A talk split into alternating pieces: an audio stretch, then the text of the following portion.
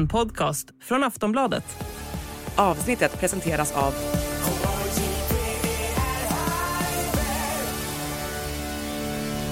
Stödlinjen.se, åldersgräns 18 år.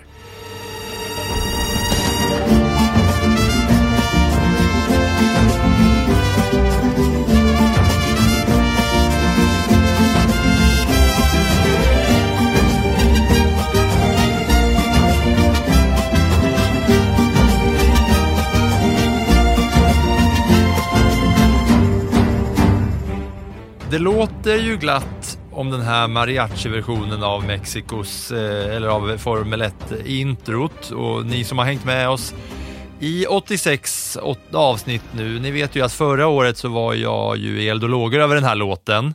Men nu har den någon slags negativ klang, det är lite melankolisk känsla efter att det gick åt skogen för Sergio Perez i hemmaracet Mexikos GP där det betydde så mycket för honom. Eller hur Anna? Tycker du det? Alltså, jag vet inte, jag tycker att den på något sätt eh, sammanfattar Sergio Perez och hela hans eh, säsong som är på något sätt, eller i alla fall halva säsong här, som på något sätt är fullständigt upp och alldeles för exalterad inför. Och så tar man fel beslut, för man är så himla stressad och pressad och övermodig nästan. Och så blir det melankoli på slutet. Jag tycker det har varit mm. så nästan, det, det, känns som att det är en sammanfattning av hans höst på något sätt.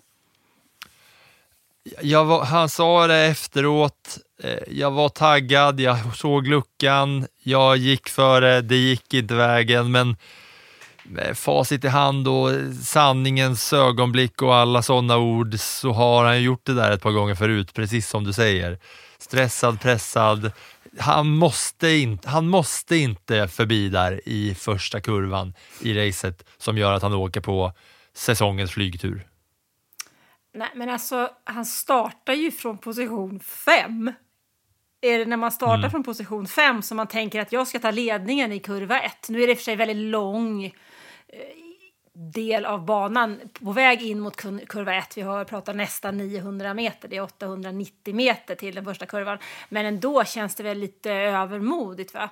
Och alltså, det här är ju worst case scenario för honom. Han, han, han var ju egentligen tvungen att undvika den här manövern. Alltså, han vet ju att han går in som trea i situationen. Han vet ju att han har Verstappen på andra sidan, för Verstappen är alltid först i första kurvan. Det är ju liksom ingen nyhet. Och sen så ligger det snabba Ferrari-bilar däremellan. Så han, han får ju inte styra in så tidigt. Alltså det är ju en misskalkylering så det räcker. Alltså han hade ju behövt hålla ut. Och för nu är situationen att alla de poäng som han faktiskt tog in för en vecka sedan de gav han ju tillbaks och sa till Lewis Hamilton att tack så mycket men eh, ja, du kan ju göra en satsning här på de här 20 poängen som återstår för de tre sista racen, vilket inkluderar en sprinthelg i Brasilien där vi vet att Mercedes är starka. Så att jag tycker han faller och han faller och han faller. Mm. Det är ju så här då att om någon då mot förmodan inte vet vad vi pratar om, det kanske är imponerande då av någon om man, om man eh, gillar Formel 1 och så följer man den via oss då kanske, man kanske inte kollar på alla, det kanske är någon som har missat exakt vad som hände. Och det är ju att i Peres hemmarace i Mexiko så kör han in på eget bevåg, kör in i Charles Leclerc i första kurvan. Efter att han då, eh, Sergio Perez startar som du säger, han startar som femma. Leclerc, Sainz startar första startled, Verstappen startar trea, Ricciardo som vi kommer komma till också, eh, fyra och så Perez där bakom femma. Och så kör han allt vad han har och de får en jättebra start, båda Red Bull-bilarna. Och i då första kurvan i Mexiko, som är en skarp högersväng, så är han övermodig och köttar in i Leclerc, vilket gör att han flyger och så skiter sig allt för Perez. De måste retire den där bilen. Så han, av, alltså av alla, av 20 bilar, så är det liksom den enda bilen som alla har kommit för att kolla på.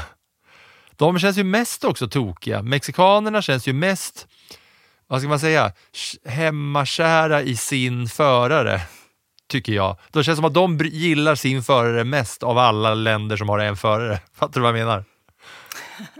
Ja, jo, det var lite långt sökt kanske. Men, jo, men det är ja. ju, han är ju nationalhjälte i Mexiko.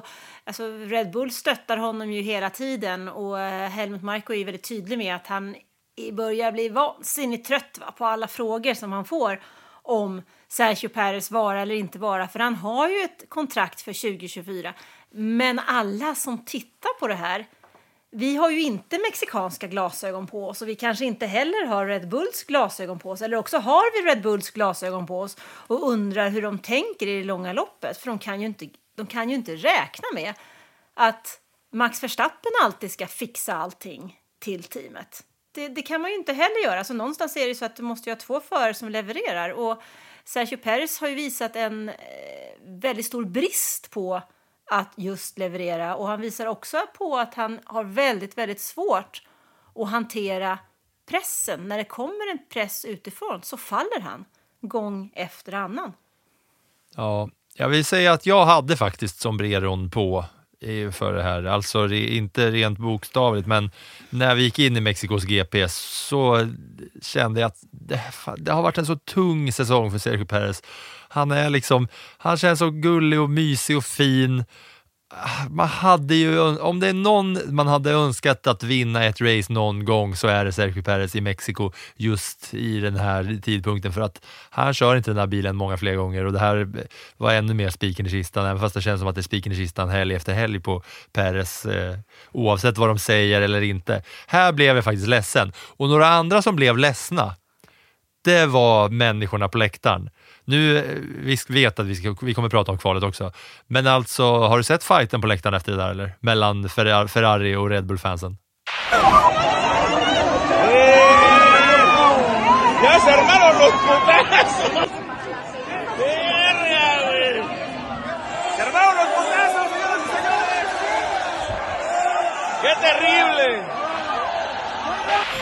Ja, det tyckte jag nästan var lite... För mig så är ju inte det Formel 1. I Formel 1 så sitter man ju bredvid varandra och hejar oavsett vilket team man hejar på. Så är min eh, världsuppfattning när det gäller Formel 1 i alla fall. Men uppenbarligen inte.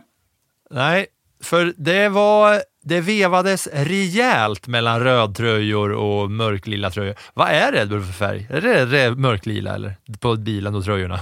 Mör, den är nästan svart, mörklila. Mm, jag skulle säga, mm, ja du är färgblind du, men jag skulle ja, säga exakt, det är därför jag frågar. marinblått med lite rött i. Ja, okej, okay, ja. Blir inte det här lila? Mö, ja, men rött, mörk. Rött, rött plus blått blir ju lila. Det lärde man sig när man var liten vi gick i Bamses eh, färgskola. Rött plus blått blir lila. Gult och grönt blir blått. Men alltså, i det här fallet skulle jag säga att det är marinblå tröjor med röda detaljer. Ja, de eh, slogs i alla fall med varandra och det var, alltså det var snyt, det var liksom knytnävar i face som delades ut då. Och då var det alltså Ferrari-fans och Red Bull-fans som bråkade med varandra om vems fel det var att Checo Perez eh, klantade bort sig själv. Men om jag frågar dig, Anna, vems fel var det? Det var rätt tydligt, va? Sergio Perez. För Charles Leclerc hade ingenstans att ta vägen på insidan, för där fanns Max Verstappen. Och det är en annan grej, men vi, vi tar det sen då. Vi, man måste ändå, för det var, kvalen är också alltid intressanta. Vi, vi ska, nu har vi i alla fall kastat oss in, rätt in i, i racingen. Så innan vi tar oss tillbaka till racet så tar vi lite kval. För att det var en del grejer som hände där i kvalet som är faktiskt intressanta att prata om. Och vi kan inte börja med racet, vi måste börja med kvalet. Så nu börjar vi med kvalet. Vart vill du börja, Anna? Jag tänker att vi börjar i Q1 där eh, McLaren gjorde en rejäl miss, vilket jag tycker är lite ovanligt att se för McLarens del. Där gick ju både Lennon Norris och Oscar Piastri ut och körde sina första varv på medium. Liksom för att få in tider och för att testa och känna efter banan här på medium. Men sen så slarvar ju Lennon Norris till det och kör över banbegränsningen. Vilket gör att eh, den där tiden kan han ju kasta i soptunnan. Och därefter så snurrar Fernando Alonso och Norris lägger bakom honom på banan, vilket gör att han inte har någon tid att få säga tack och adjö i Q1. Ja, för Norris hade precis kommit ut då, alltså det var i sista sekunden.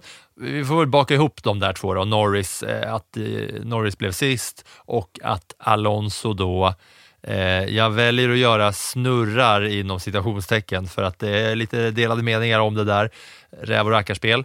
Eh, Norris, som du säger då, han hade gjort sitt utvarv, vänt upp däcken och skulle då i då sista, sitt sista försök sätta en snabb tid som skulle göra att han ska ta sig förbi Q1, vilket han såklart hade gjort hur lätt som helst om han bara hade hållit sig på banan.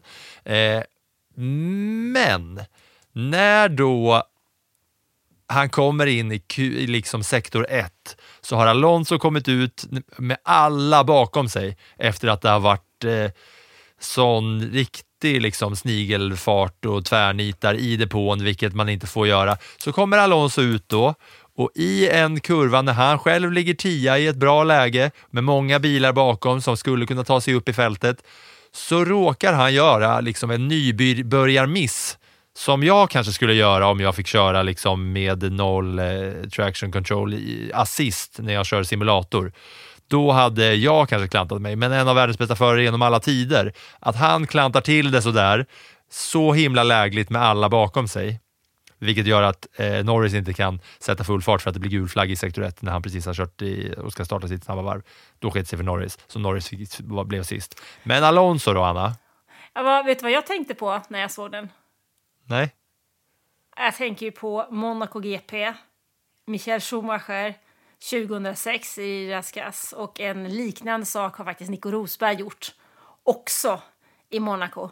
Att man, eh, ja, ser till att skapa en situation som gör att man går vidare. I Michael Schumachers fall så var det ju så att han åkte dit på den här. Han försökte sätta dit Alonso på den här eh, i den situationen. Men eh, han vart ju bestraffad och fick eh, starta längst bak istället.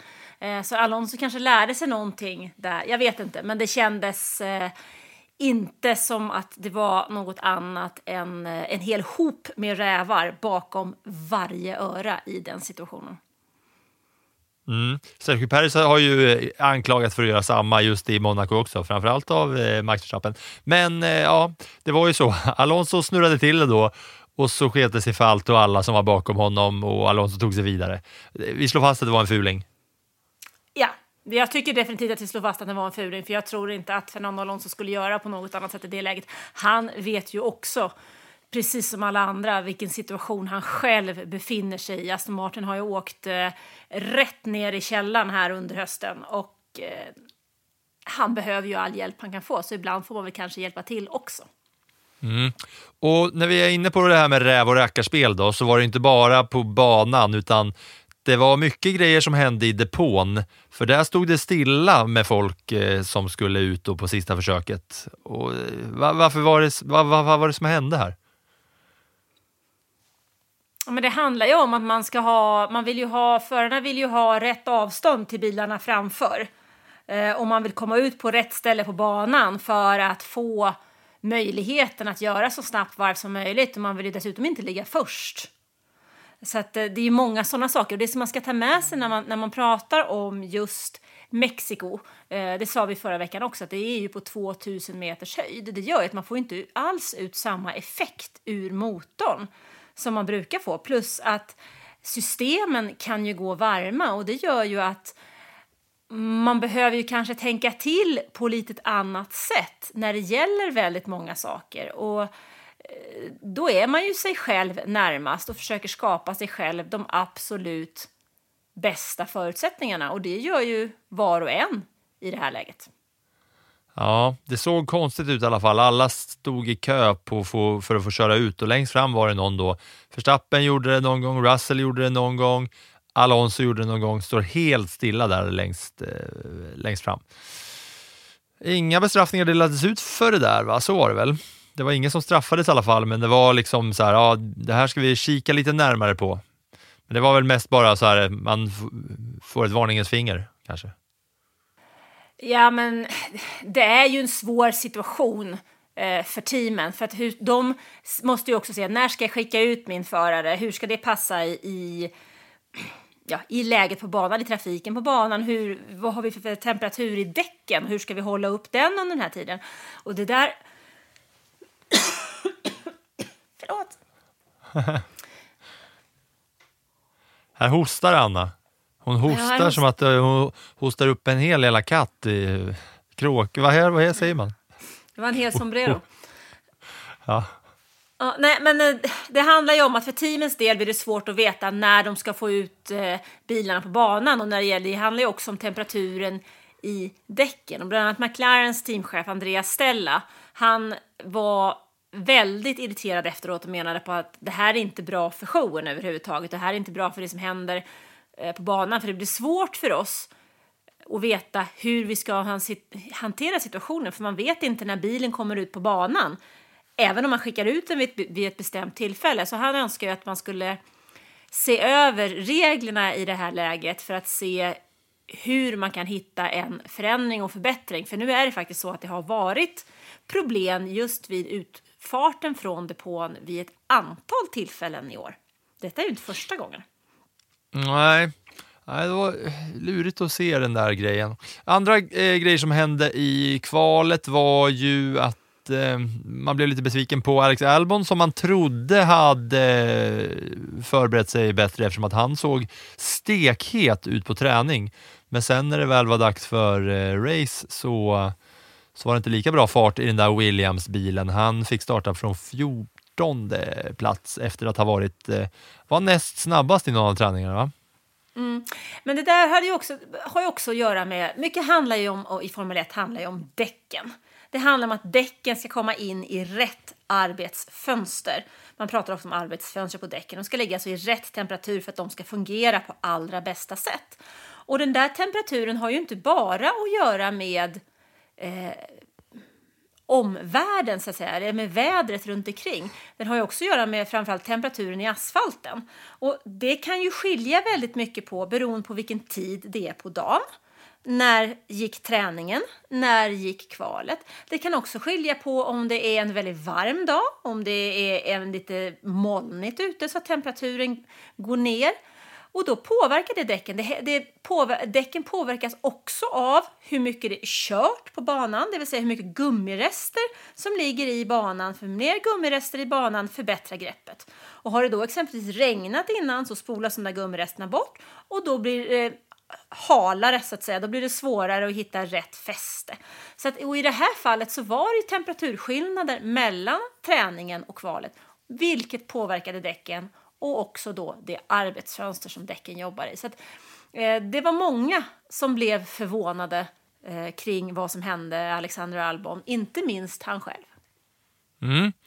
Och sen har vi då den stora, stora överraskningen som var under hela helgen nästan, va? att Daniel Ricciardo i en Alfa Tauri, i Alfa Tauri som varit så långsamma, så uh, ruttna och så snurrigt i det där teamet, massa olika förare hit och dit, och en Ricciardo som varit borta länge, som smackar in en fjärde plats i kvalet. Bara Leclerc, Sainz, Verstappen snabbare. Sen kommer Daniel Ricciardo. Och i början tänkte man, eh, Sunoda hade ju redan bestämt sig att de skulle starta från eh, depån på Sunoda, så han var ändå körde det där. Så han hjälpte Ricciardo i Q1 att toa honom då på den här långa raksträckan. Att se till att Ricciardo fick eh, mindre luftmotstånd och kunde få en högre fart. Då tänkte man så här, ah, okej, okay, ja men det är bra. Då säkrar de honom, då får han mycket hjälp av Tsunoda. När Tsunoda är borta, då lär det skita sig. Men Ricciardo smackar in en fjärde plats. Hallå var kom den ifrån? Ja, det är faktiskt en väldigt bra fråga. Det som är, intressant är, det som är intressant är faktiskt att han slår Sergio Perez. För att vad man än säger så finns det en enorm konkurrens, konkurrenssituation i det där teamet. Alla vet ju om vad det handlar om. Daniel Ricciardo vill ju inte köra Alfa Tauri nästa år, även om det är det som står i nuläget att han ska göra. Han vill ju tillbaks till Red Bull för han är nog ganska besviken över att han faktiskt lämnade det teamet och gick till Renault och sen vidare till McLaren för han har inte varit i närheten av de framgångarna där som han hade hos Red Bull. Så han är ju stekhet. Vilket gör, också gör att eh, Sergio Perez blir ännu mer stressad och pressad. Alfa Tauri lyckades faktiskt bra förra veckan också. De har ju också uppdaterat sin bil, för de vet ju om att det finns viktiga poäng att ta in här de sista racen. För en skillnaden mellan en sista plats och en åttonde plats, alltså det kan vara mellan 150 och 200 miljoner kronor. Så mycket handlar det om. Och Alfa Tauri är ju ändå, det är ju ett B-team till Red Bull. De ska inte vara så dåliga som vad de har varit. Utan de kommer ju med den nya teamledningen som redan har börjat att jobba med teamet att jobba närmare och närmare Red Bull för att kunna ta sig upp. För Red Bull har inte heller råd att ha ett B-team som ligger sist. Så att det där är bara, egentligen så är det bara en, fråga, en tidsfråga innan de kommer. Och här gjorde ju Ricciardo med sin erfarenhet så gjorde han ju precis allting rätt. Sen om det är någonting som kommer att hålla framöver, det är ju otroligt svårt att svara på. Men just den här dagen så stod ju alla stjärnorna på rätt ställe, det måste vi säga. Ja, och att slå då den personen som det liksom ryktas om att han kanske kommer kunna få ersätta eller den som är under press i A-laget. Att slå A-laget i B-lagets bil på A-lagets spelares hemmaplan. Det är många liksom, det, det är många utropstecken på det, så får man väl säga. Eh, alltså, ja, nu slog jag honom både i race och i, i kval, men just i kval då, för då har man ju ja, hela vägen där fram. Det var jäkla imponerande. Sen var det dubbelt Ferrari längst fram. Verstappen tog inte pole, det var Leclerc och Sainz som var snabbast, men det är ju ingen nyhet att de är snabba i kval.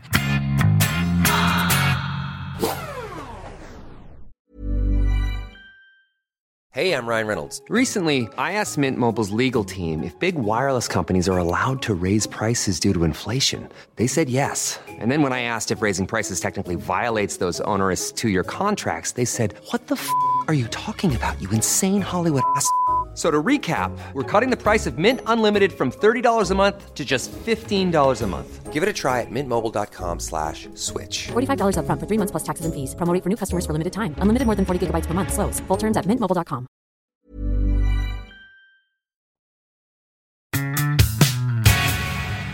För sen var det race och då har vi redan varit inne på den här starten där allt skiter sig för eh, Sergio Perez direkt. Va? Och jag tyckte det var... Ja, det, det, det satte sig i hjärtat på något sätt. Alltså det var, jag tyckte det var tungt. Sen var det några bilder på, såg direkt efter, var det någon pojke där på läktaren som var, eh, som var jätte jätte, jätte, jätte ledsen. Han grät supermycket och tröstades av pappa. Han hade sett fram emot den här lilla mexikanska pojken och få kolla på sin hjälte Checo Perez hemma. Alltså man vet själv hur man var när man var sådär liten. Alltså, då har han vetat om säkert att han skulle gå på det där racet under hela säsongen. Han har längtat i ett halvårs tid för att få kolla på sin hjälte och bara tittat vecka efter vecka, så kom, komma dit och så kraschade han direkt. Alltså. Jag tyckte, ja, det, var, det var någonting extra som, som tog mig, alltså, den, här, eh, den där kraschen med Perez. Ju, ju mer du berättar om det där och lägger in alla känslor om den där stackars pojken så tycker jag ju nästan att Sergio Perez borde ha tänkt en gång extra innan han tryckte plattan i mattan. Alltså det är ju... Ja. Det, är ju, ja, men det känns ju som en kamikaze-upplevelse egentligen. Ja, men jag startar femma. Ja, men jag tänker jag ska ta ledningen i första kurvan. Äh, lite, vänta lite, jag har två Ferrari och en eh, Max Verstappen framför mig. Nej, Verstappen va? Han lär väl inte vara första? Det har jag aldrig varit förut. Mm. Alltså hur, hur, ja. hur snurrar det under hjälmen egentligen? Ja, och han sa ju också efteråt, jag tyckte det var så, så här, han bara, ja, jag visste att om jag gick för så skulle jag kunna komma ut etta. Ja, hade du det då? Alltså hade du slagit Verstappen ändå, liksom bara baserat på en kurva? Hade du ändå vunnit mot Verstappen under ett helt race? Nej, så är det väl inte Tjecko. Det är en, det är en pressad, pressad kar, men ja, jag håller med. Han kanske borde, han borde brytt sig lite om sina fellow mexicans där och tänkt en extra gång här. Tänk hur många jag gör besviken nu genom att satsa här som en galning när det sket sig totalt. Va? Ja, men, grejen är ju den att Red Bull-bilen är så mycket bättre än alla andra bilar. Alla vet ju i det här läget att Ferrarin käkar däck. Det finns ju ingen chans att de, när det handlar om däcksekonomi, kan utmana Red Bull. Och skulle Daniel Ricciardo som kör en Alfa Tauri ta sig i mål, nej, han, kan ju, han kan ju lugnt och fint gå in så han är trea där. Det är ju inget problem. För han hade tagit, han hade ju tagit eh, Leclerc i alla fall. Sen så är det ju så att jag, Verstappen kommer ju aldrig skänka honom någonting. Han kommer inte få vinna det där loppet, men, men risken är ju större att Verstappen gör något knas och, och lyckas behöver bryta loppet än att han själv ska ta ledningen från position 5. Och den han fightas mot är ju inte Perez och inte Ferrari-bilarna, utan Perez, eller eh, Verstappen menar jag, eh, och Ferrari-bilarna, utan Perez fightas ju mot Hamilton om andra platsen i totalen. Så Ja, ja, Sergio, Sergio Perez slåss ju för sin egen framtid och då måste han ju tänka hur han vill ha den. Och vad är det för Ja, någonting som Red Bull vill ha? Ja, mycket, mycket mörker tyckte jag det var i alla fall. Vi får se hur det blir i Brasilien nästa helg. Då. Men sen var det en eh, till krasch. Då. Det var en rejäl eh, krasch på Kevin Magnus och Magnusen som eh, gjorde att det blev röd flagg. Och det var, eh, jag tyckte det var intressant, jag såg den där. Han kör ju över en curb och så smäller det till i höger bakdäck, vilket jag var imponerad över alla som såg direkt. Jag kollade många reprisbilder, det tog lång tid innan jag fattade vad, för de sa ju direkt bara, oj, det var något som gick sönder eh, på, i sändningen. Liksom. Eh, och det såg, såg de ju liksom eh, på en sekund där i högsta farten. Medan jag själv kollade på repris efter repris och inte fattade. Och sen såg man då i cool down room, ett av de eh, eh favoritrummet i Formel 1, the cool down room efteråt, när de visade lite highlights eh, från. Och det var också så här, Hamilton eh, som stod där i cool down room då, när de kollade på highlights, han såg också direkt, hon ba, eh, när de vi filmade Kevin Magnussens krasch, oj, något gick sönder där höger bak, tror jag Hamilton säger bara när de spelade upp bilderna i realtid. Så tydligt var det något som pajade som gjorde att Magnusen kraschade. Bilen såg helt råkvaddad ut och man tänkte att oj, det här kan vara en av säsongernas, eh, säsongens eh, krascher.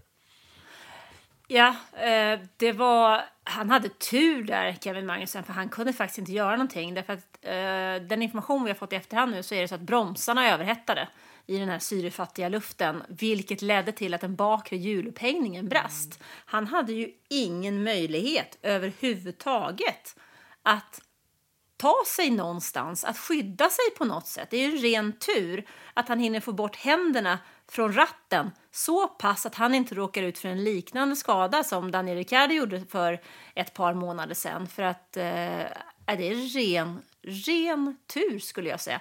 Kevin kan i det där läget inte göra någonting. Han är passagerare i bilen. Ja, han var snabb ut. Alltså pang, det smäller, ut ur bilen, rätt, bort, bort med ratten, upp, direkt klättra över barriären. Det var ja, att han klarade sig där, för det såg ju riktigt jävla illa ut. Alltså. Men då blev det röd flagg i alla fall och då var det vältajmat för Verstappen som eh, kunde gå in och göra ett gratisstopp. Värre var det för eh, några andra, Norris till exempel, som precis hade gjort ett eh, däckbyte precis innan. Men det tajmades mycket väl för Verstappen och för eh, Leclerc att de kunde gå in och, och byta däck där. Sen var det röd flagg med stillastående omstart och det ser vi inte jätteofta. Att det är stillastående omstart, eller hur? Nej, det gör vi inte. Det är ju tävlingsledningen som kommer med det beslutet. Och, eh, det vart ju lite, det blev en intressant omstart där med tanke på, det är ju så här att förarna får ha ett visst antal däck under en helg. Man, kan, man har liksom inte möjlighet att använda hur många däck som helst. Utan det finns ett förutbestämt antal och det är väl 13 set. Och så beror det ju då på hur många däck man har använt tidigare beroende på vilka däck man har kvar. Och Verstappen hade ju ett par hårda däck kvar som han faktiskt inte hade använt. Så han kunde ju ta dem. Medan andra förare då, som exempelvis Lewis Hamilton, han hade inte det och han valde mediumdäck och de hade dessutom gått lite grann innan, så de var ju inte helt nya. Och det gjorde ju att vi hade olika däck på olika bilar, för alla hade inte samma möjligheter, för man har inte lagt upp helgen på samma sätt. Sen ska man ju tänka på, Eh, vilket jag kan tycka ibland är lite så här, man, man glömmer nästan bort att att däcken fungerar ju inte, på mediumdäck till exempel, fungerar inte likadant i början av ett lopp som de gör i slutet av ett lopp. Därför att dels har det gått massa bilar på, på banan, vilket gör att det ligger mer gummirester och vilket gör att banan blir annorlunda, greppnivån annorlunda.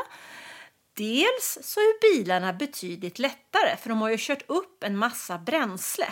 Så ibland så får jag frågor då på, på eh, F1 Live där som säger men de där mediumdäcken, de var ju kassa i början av loppet. Hur ska de kunna köra med dem nu? Ja, jo, men Vi har ju använt en massa kilo bränsle som har gjort bilen väldigt tung.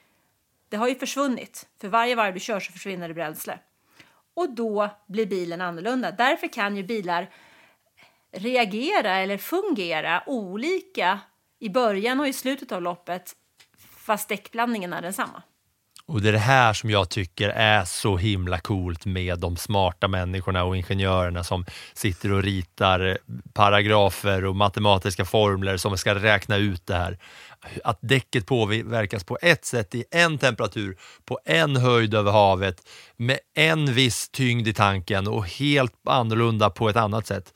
Det är coolt alltså, hela den grejen. Men det som händer när det är röd flagg och en stillastående omstart är att man får byta däck i depån. Då är det så här, ja, de däcken du har kvar, de får du byta på.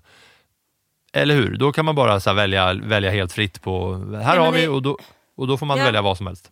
Ja, men när det är röd flagg så, så måste man ju stoppa racet och så måste de sortera liksom, eh, på banan och då man, kan man byta däck och man kan också titta till.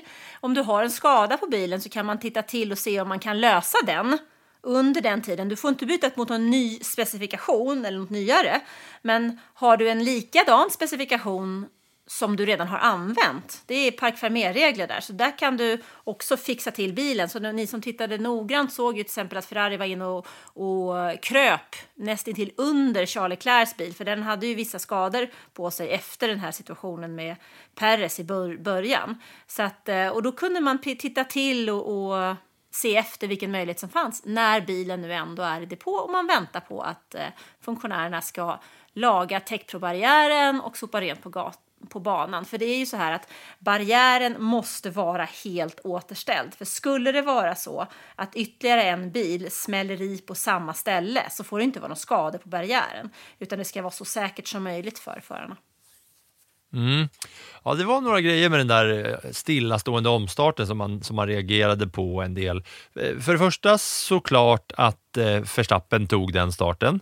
Eh, för det var snack om inför det här racet, vilket vi också fick se, att i just Mexiko så är det inte eh, helt klart att det är bäst att starta som etta och tvåa, utan ibland så är det bäst att starta liksom som, som trea, fyra, femma till och med kanske. Just för att det är en så lång raksträcka om man startar så tidigt på den att det är mycket bättre att hinna få upp farten och ligga i vinddraget bakom någon annan och sen dra igång. Jämför man det här då till exempel med Monza, som också har en väldigt, väldigt lång eh, raksträcka, så startar man mycket senare på den än vad man gör just i Mexiko. Här startar man tidigt på den, vilket gör att då när man får upp farten så ligger man längst fram, så har man vindmotstånd och ligger man bakom där så, så gör man inte det. Sergio Perez kanske hade lyssnat på dig. Det kanske var det han tänkte när du sa här att det är bättre att starta femma. Det kanske var det han tänkte där inför när han gjorde sin kamikaze-lösning. Ja, men, och det var dit jag ville komma, för att det är så, alltså återigen här, att det är Red Bull som regerar. För eh, i, när det var då, då visste man om det så här, ah, okej, det kanske inte är bäst att starta ett eller tvåa. Och så ser man båda Red Bull-bilarna komma då från liksom som trea och som femma, kör förbi alla och sen så i första kurvan så är Red Bull längst fram. Och då tänker man, okej, spännande nu här, nu är det Leclerc och Verstappen som är längst fram i omstarten efter rödflagget där när halva racet hade pågått. Men tro fan att så är det inte den här gången. För att här är ju Verstappen eh, först ut och bäst ut. Och att då spelar det ingen roll vem som är etta, tvåa, trea, fyra. För att det är Verstappen som kommer out on top än en gång. Det är, väl, det är väl kanske det som är skillnaden. Det jag tyckte var lite intressant också med det här racet var att jag upplevde att den första halvan av racet tog en enorm tid. Medan den sista halvan gick hur fort som helst. Jag Ja, satt där, det var verkligen så här, alltså varven tickar ju ner. Det kändes som att varven i slutet av racet, de tickade ner med hälften så hög fart liksom. Eller det gick betydligt snett. Vad blir det? Dubbelt så hög fart måste det bli. Du, hälften så lång tid, dubbelt så hög fart. Nej, men det gick mycket, mycket snabbare. Efter vi hade passerat varv 35, då sa det bara swoop, så var det förbi ja, och det var väl kanske för att eh, all action hade passerat för det mesta. Men det var några grejer till som var intressanta. Vi, vi var inne på att Ricardo hade en kanonhelg som då eh, start, eller kör kvalet som fjärde snabbaste bil. Och sen så smäller han in i en sjunde plats. och han är liksom i slutet av racet så är han i stenhård fight med George Russell. En Alfa Tauri mot en Mercedes efter då ett fullt race är i kamp med varandra och Russell sa efteråt att hade vi kört ett varv till så hade Ricciardo spöat mig. Nu kommer alltså Daniel Ricciardo sjua. Två, kolla på resultatlistan här, två australiensare bredvid varandra. Det är alltså Ricciardo sjua, Piastri bakom honom. Alltså Ricciardo plockar in sex poäng i en Alfa Tauri-bil där det inte bara är så att den är perfekt setupad för ett kval utan det är för ett helt race. Ja, alltså Daniel Ricciardo han gör väl kanske sitt livs race här, eller ett. Han hade ju ett McLaren-race på Monza också som var helt galet naturligtvis när han vann för dem. Men han gör en rikt, ett riktigt, riktigt bra race här. Jag är lite spänd på att se vad han har kvar att ge de återstående racen här den här säsongen. För det känns som att med det självförtroendet som han säkerligen fick med sig, för den sjunde platsen måste ha känts som en seger. Och med det som han fick med sig från den här helgen så sätter han ju en enorm press på Yuki Tsunoda som återigen klantade sig och var argare än alla andra. Hur mycket ilska finns det i den där karln egentligen? ja, det var så kul. Det var ju samma sekund som han snurrade av där så började han veva och slå på ratten och händerna upp i luften och gorma och skrek. Alltså, Fan, jag älskar Synoda alltså. Så alla borde reagera så där starkt som han hela tiden. Det var verkligen när han körde av så bara pang, en smäll. Samma sekund var, ja, vevade han starkt. Det var, men det var ju klart och tydligt där. Alltså, Ricardo sjua, Synoda kom ju tolva då, men det var ju många DNFar här. Ja, men det var väl ungefär det som var Mexikos GP. Va? Är det något mer som från racet som man vill eh, nudda innan jag berättar hur topp 10 såg ut? Det som jag vill, inte kan låta bli att nudda faktiskt är ju att Nico Hülkenberg gjorde sitt 200 race och han har nu kört 200 GP-lopp utan att ta en pallplats.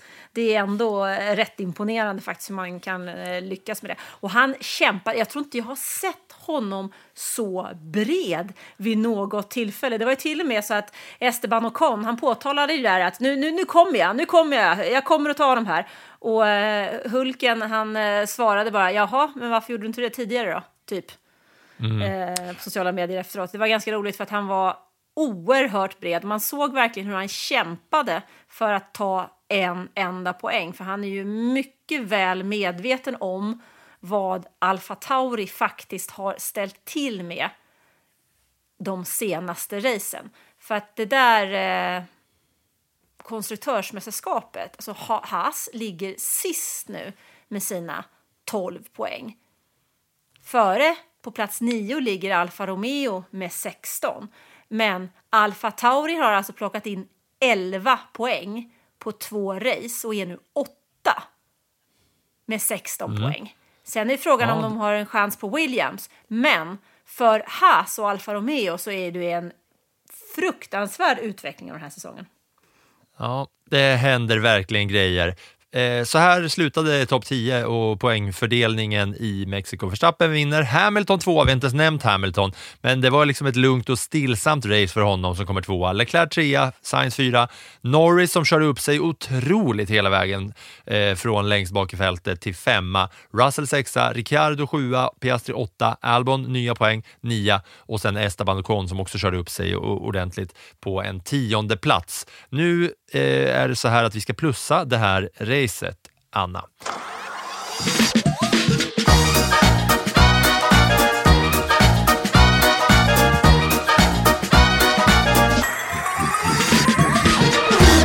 Anna satte plus på Mexicos GP. Då börjar vi med motorstoppet och det går ju till Aston Martin. Och det börjar ju låta som en raspig skiva, men nu känns det faktiskt som att till och med Fernando Alonso har gett upp. Det är tre race kvar och han säger att han har ingenting och kämpa för den här säsongen. Eh, det känns ju som att nej, tack för i år Aston Martin.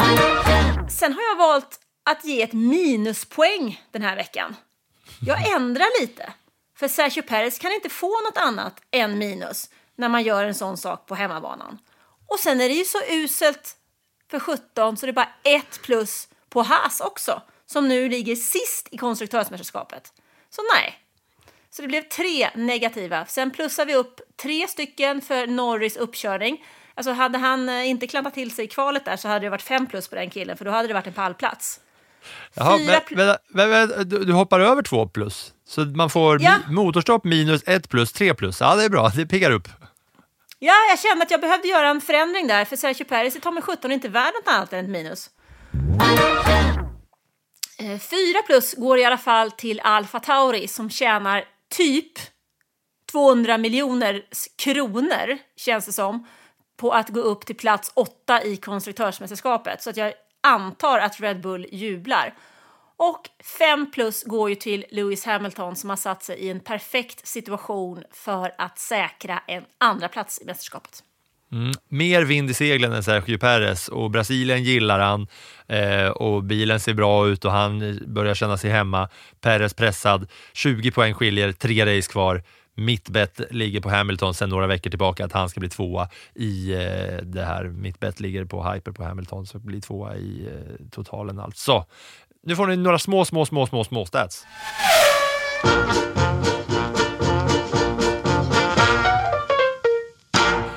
Verstappen har nu 10 segrar när Leclerc har haft pole.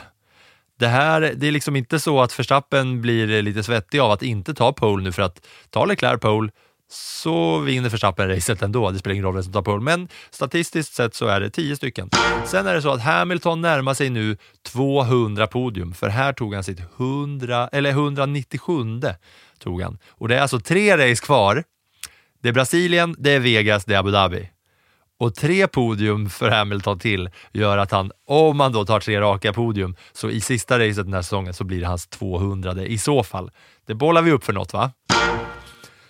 Och, de, och den här eh, toppen på podiet med Verstappen etta, Hamilton tvåa, det har jag nämnt ett par gånger, varje gång det händer kanske till och med, att det eh, ädas på. De är de vanligaste där uppe på etta, tvåa tillsammans. Verstappen etta, Hamilton tvåa. Det är 36 gången som de delar en etta eller en tvåa med någon av dem högst på toppen.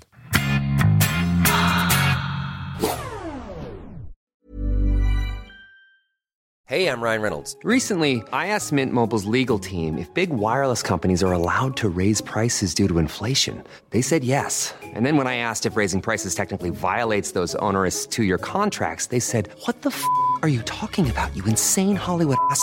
So to recap, we're cutting the price of Mint Unlimited from $30 a month to just $15 a month. Give it a try at mintmobile.com slash switch. $45 upfront for three months plus taxes and fees. Promo rate for new customers for limited time. Unlimited more than 40 gigabytes per month. Slows. Full terms at mintmobile.com.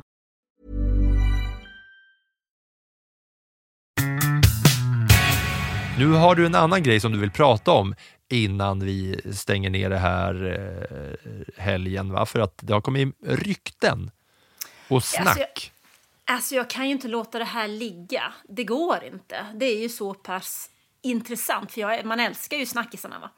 Och Aston Martin, Fernando Alonso. Vad händer där egentligen?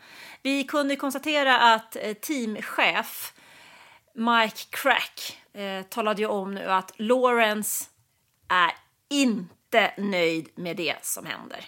Nej, och vad betyder det då? Ja, Lawrence Stroll, han äger ju det här teamet. Eh, han har ju försökt, först hos Williams, att köpa sig en schysst plats till sin son där han kan leka Formel 1. Och sen köpte han ju ett team också 2018 och han har investerat miljoner och miljarder i det här teamet. Ett team som gick fantastiskt bra när man kopierade Red Bulls bil under inledningen av säsongen. Men när man börjar uppdatera bilen så har man ju legat helt snett.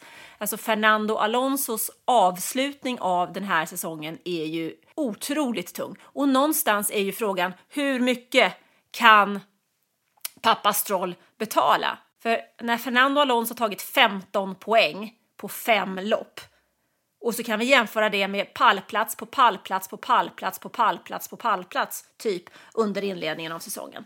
Lance Stroll själv, han är ju inte heller nöjd. Han är ju avåkt, frånkörd och en skugga av sig själv har varit den här säsongen. Då är frågan, hur länge till vill Lawrence Stroll betala för det här? Ja, det finns ju faktiskt de som kan vara intresserade av att köpa. Och vad händer om det antingen då är intressenter från Kina, från Saudiarabien, möjligen Honda kanske, som köper det här teamet? Vad händer då med Fernando Alonsos kontrakt?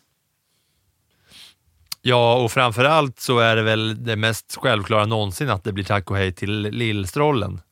Om Ja. pappa inte äger teamet. Då, det, alltså det är ju liksom käpp i nacken och en spark i arslet och skicka ut han så långt det bara går skicka hem han hela vägen till, till eh, Kanada va? Ja men så är det ju, men jag tycker ju att han är ju så fort i det ögonblicket som vi vet att Lawrence Stroll säljer så är Lance Stroll borta. Men han är ju en han är ju en skugga i Formel 1 överhuvudtaget. Men det som är mer intressant är ju de ryktena som har börjat dyka upp i depån om Fernando Alonso. För att om det skulle kunna vara så att Lawrence Stroll säljer så kan det tydligen finnas någon form av klausul som gör att Fernando Alonso kan bryta sitt kontrakt med Aston Martin. För några veckor sedan var Helmut Marko ute och pratade om att den enda föraren som överhuvudtaget kan utmana Max Verstappen är Fernando Alonso. Kan det vara så att Red Bull är sugna på att få dit en förare som egentligen bara vill vinna igen? Den där VM-titeln bryr han sig kanske inte så mycket om för han har två stycken men han vill väldigt, väldigt gärna vinna race igen. Kan det vara så att Sergio Perez i slutändan lämnar Red Bull och ersätts av Fernando Alonso? Ja, det här är ju en duo som man verkligen vill se tillsammans. Jag tycker att det känns som att de två skulle passa varann väldigt bra. Och Red Bull skulle nog ha nytta av Alonso. Framförallt så skulle Alonso ha nytta av Red Bull. Och det vore så kul att se då en av liksom sportens största, alltså det är som att han fullblod, fullbordar sin liksom resurrection efter sin paus när han kom tillbaka och det inte gick som det var tänkt och så gick det inte som det var tänkt. Och sen bara, men vänta den här killen kan köra hur bra som helst. Och så blir det liksom som en liten trestegsraket i, i uppbyte. Och, och även kanske så här, kanske är det så att om Alonso skulle komma dit så, så är det en förare som Max Verstappen faktiskt skulle ha lite mer respekt för, tänker jag. Jo, men så kan det nog vara om nu Max Verstappen har respekt för någon. Jag är inte så säker på att han är uppfostrad och fungerar på det sättet. Men det som jag också det som jag verkligen funderar på det är ju så här att Fernando Alonso är en fantastiskt duktig förare men han har ett bedrövligt humör. Och det är ju få förare som har varit så duktiga på att slita ner team som vad han har varit under åren. Alltså han är ju otroligt duktig så länge det går bra. Men han är ju nog den tjurigaste av de tjuriga och den fulaste av de fula när det inte går som han vill. Det, så det kan ju både det kan ju McLaren vittna om, det kan ju Ferrari vittna om, det kan ju alla vittna om egentligen. Så Ja. frågan är om de skulle ha en vinst av att ha honom. Ja, det är, det är lite roliga, olika parametrar som man tycker är roliga om man tänker på, eh, på hela den grejen. Alltså, eh, man kan inte riktigt se Alonso acceptera eh, let, mm, let Max by, eller låt Max passera, om det skulle vara så att Alonso ledde. Har man lite, han skulle nog vara lite mer motsträvig än vad Perez har varit eh, genom åren, skulle jag kunna tänka mig. Eh, och som du säger, alltså han är ju mästare på att förstöra stämningen. Skulle han komma in där då och känna att ah, jag har lite, här har jag nos på, på att liksom utöka sitt eget legacy, att då kanske han mer skulle nästan kunna vara som en trojansk häst som kom, kommer in i det där perfekta harmonin i det där teamet, alltså ja, perfekta harmonin då, men i alla fall med team och världsmästare tre år i rad och så vidare.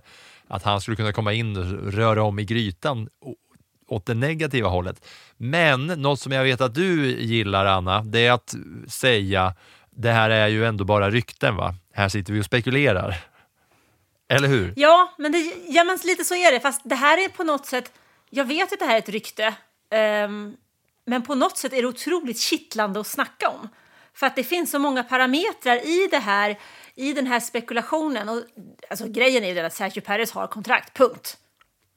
Men för varje helg som går så blir man mer osäker på om det där kontraktet kommer att gälla. Även om Helmut Marcus säger att det ska gälla. Och bara det, det tanken på att Christian Horner hyllade Daniel Ricciardo efter hans sjunde plats här i helgen gör ju också att man börjar spekulera, för det känns någonstans som att det finns ingen väg tillbaks till Sergio Perez och Max Verstappen. Men låt säga att han får fortsätta. Och sen så börjar nästa säsong katastrofalt därför att både Ferrari och Mercedes har börjat eh, vakna till liv och hitta tillbaks och McLaren är med och hotar. Ja, plötsligt så är Perez åtta. Då måste de ju göra någonting. Då kan de ju inte låta saker och ting bero längre. Så det finns så himla mycket och vi kommer att prata om det hundratusen gånger till känns det som. Men, men man kan ju inte låta bli. Man ser egentligen, man ser ju inte fram emot ett säsongsuppehåll, men man ser ju ändå fram emot eh, silly season när det liksom ska vara som, eh, som hetast inför den här säsongen, känner jag. Men du, nu eh, blickar vi framåt tycker jag ändå. Eh, nästa helg så är det alltså tredje helgen i rad som det raceas och de gillar man ju det som alla benämner som triple header. Och eh, det som avslutar den här triple headern är Brasiliens GP. En kort bana där eh, Hamilton och Mercedes har trivts de senaste åren, eller hur? Ja, men det är ju så. Det som är lite spännande med den här banan i Brasilien och Sao Paulo, det är ju att vädret allt som oftast kan ställa till det. Och även den här gången så har vi en väldigt ostadig prognos. I nuläget så ska det regna på fredag och växlande molnighet lördag och söndag. Men det kan ju bli precis tvärtom. Eh, och just som du säger att Mercedes, alltså vi minns 2021, då var det ju faktiskt så att Lewis Hamilton han diskades väl i kvalet, körde upp sig i sprinten och sen fick han nedflyttning och sen så vann han i alla fall från startposition 10 va? Eh, vann han söndagens race och i fjol så var det George Russell som vann sprint och race där och det är Mercedes senaste seger så det känns ju om så är det någon bana som, som passar Mercedes bra och framförallt passar Red Bull mindre bra så kan det mycket väl vara så att det är Brasilien och den här helgen. Ja, det är en rolig bana tycker jag faktiskt att eh, köra själv nu efter att jag har liksom levlat upp i min, eh, mitt tv-spelande nu jag sitter och kör med en liten eh, rigg där hemma, Brasilien. Så jag ser lite fram, extra mycket fram emot just det här racet. Men det är ju inte bara en vanlig helg heller. Det ska köras så många poäng för att än en gång så ska det sprintracas, eller hur? Ja, det är ju sprintrace och det, det ställer ju till det lite ännu mer. Det var ju sprintrace, har ju varit sprintrace där tidigare också. Vi vet ju att det har ju ställt till det i just Brasilien. För som jag sa, ostadigt väder kan skilja jättemycket i temperaturen också. En 10 grader så där är inget ovanligt. Och det är en bana som de förarna kör motsols, vilket också gör att belastningen blir lite annorlunda mot vad man är van vid. Så att eh, jag ser faktiskt fram emot den här helgen. Just det, de van, den vanligaste är att köra medsols. Det tänker man inte på så ofta att det har betydelse. Men det har det ju, alltså på hur man sätter upp bilen. Att det är kanske då mer högersvängar än vänstersvängar, typ. Ja, men det blir ju lite annorlunda. Och som vanligt så är det bara ett träningspass när bilen ska ställas in till kval, sprint, shootout, sprint och GP. Så att eh, vi hade väldigt, det var ju väldigt mycket kritik på det här, kring det här formatet efter deltävlingen i Austin för någon vecka sedan. Så det blir lite spännande faktiskt tycker jag att se hur Brasilien hanterar sprinten för fram till nu tycker jag faktiskt att det har varit positivt att se sprint i Brasilien. Ja, de påverkas på olika sätt. Eh, alltså sprinten påverkar racehelgen på olika sätt baserat på vart det är. Just nu som du säger Brasilien, om det är liksom stora väderförhållanden så påverkar det väldigt mycket att man just måste låsa bilen till en, man får inte ändra den mellan de olika formaten, vilket gör att det kan ju påverka väldigt mycket om det ser ut på ett sätt i början. Man måste liksom tajma in den så här att ja, okej, vi måste ha bilen bra inställd för både regn, kort race för att det sen ska funka i solsken också, om det nu skulle kunna vara så. Det är ju väldigt eh, spännande tycker jag ändå. Va? Eh, är det något som, kan, som man ska hålla ögonen extra på så är det väl kanske eh, Hamiltons jakt på Sergio Perez. 20 poäng skiljer nu. Ja, Hamiltons jakt på Sergio Perez och så får man inte glömma bort den här jakten i botten heller, tänker jag, mellan Haas, Alfa Romeo, Alfa Tauri och Williams som nu känns ju Williams som att de är långt före. Oj, oj, oj, så långt före de är.